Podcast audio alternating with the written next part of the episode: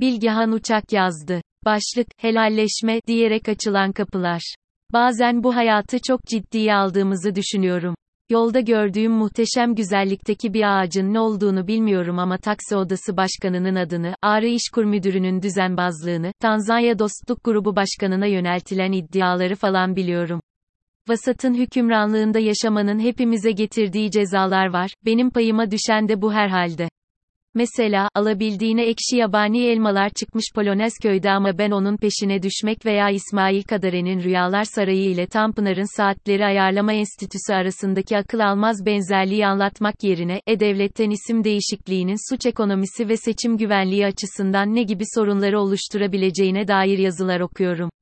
Bütün bu saçmalıklara son verebilmek için önümüzde tam zamanı belirsiz de olsa en geç 10 ay içinde yapılacak seçimler var. Serap Yazıcı'nın bizim sitede bu konudaki enfes yazısını mutlaka okuyun. Bu seçimi kazanmak için de muhalefetin çok çalışması ve altılı masadan yayılan sinerjiyi kaybetmemesi şart. CHP İstanbul İl Örgütü'nün Cuma sabahki 80 günde devralem açıklamasının detaylı bir özetini Murat Sabuncu, T24'teki köşesinde yazdı.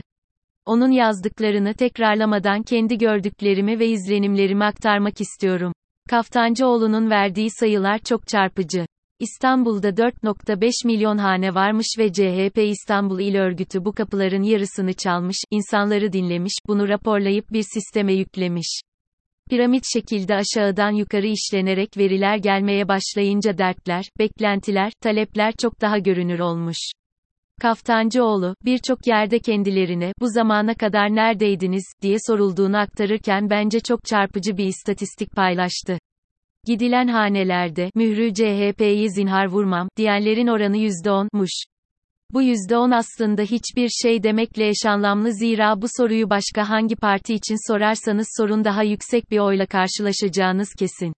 AKP'nin özellikle son 7-8 senede bizi getirdiği kutuplaşma ortamında mahalleler arasındaki geçişkenlik tamamen kesildi. Peki, CHP'yi 10 kişiden 9'unun oyunu alabilecek olmaya götüren neydi? Yine Sabuncu'nun yazısına dönersek, orada sorduğu soruyu aktarıyor. Muhafazakar mahallelerde de rahat iletişim kurmanızda CHP Genel Başkanı Kemal Kılıçdaroğlu'nun helalleşme çağrısı ve bununla ilgili yaptığı ziyaretler etkili oldu mu? Kaftancıoğlu, CHP'nin bazı proje ve söylemlerinin halkın bir bölümüne çeşitli sebeplerden ötürü ulaşamadığını ama helalleşmenin herkese ulaştığını, bunun da kapıların açılmasında kendilerine büyük kolaylık sağladığını söyledi. Yani, Kılıçdaroğlu'nun helalleşme çağrısı birçok eve CHP'nin ilk kez girebilmesini sağlamış. Bu da bir ölçüde, halkın helalleşme çağrısına mukabele ettiğini gösteriyor. Kaftancıoğlu, rastgele çarşı pazar ziyaretleriyle halkla buluşma siyasetini de disipline etmiş. Kim, nereye gidecek, nereden sorumlu olacak, ne söylenecek? Bunların hepsini belirlemiş, öbek sorumlularını eğitmiş, Şile'de adalara, Tuzla'dan Silivri'ye herkes dört bir koldan kapıları çalmaya başlamış. İstisnasız bütün haneler dolaşıldıktan sonra gerekli görülen yerlerde ikinci ve üçüncü turlar başlayacakmış. Kaftancıoğlu'nun seçim güvenliğine dair de çok rahat olduğunu gördüm.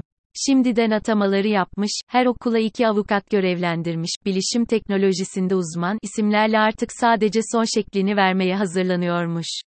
Soru cevap kısmında Kaftancıoğlu'na sığınmacıların oranını sordum. Kapısını çaldıkları yaklaşık 2.5 milyon hanede bu oran toplam seçmen sayısının kabaca %10 ediyor çok sayıda yabancı olduğunu ama, seçmen yeterliliği, kazananların şu an için ihmal edilebilir düzeyde bulunduğunu söyledi. Ama bu konuyu seçime kadar çok yakından takip edeceklerini vurgulamayı da ihmal etmedi. Görebildiğim kadarıyla, CHP İstanbul İl Örgütü, seçim yarın olacakmışçasına üstüne düşeni yapmış, hazırda bekliyor.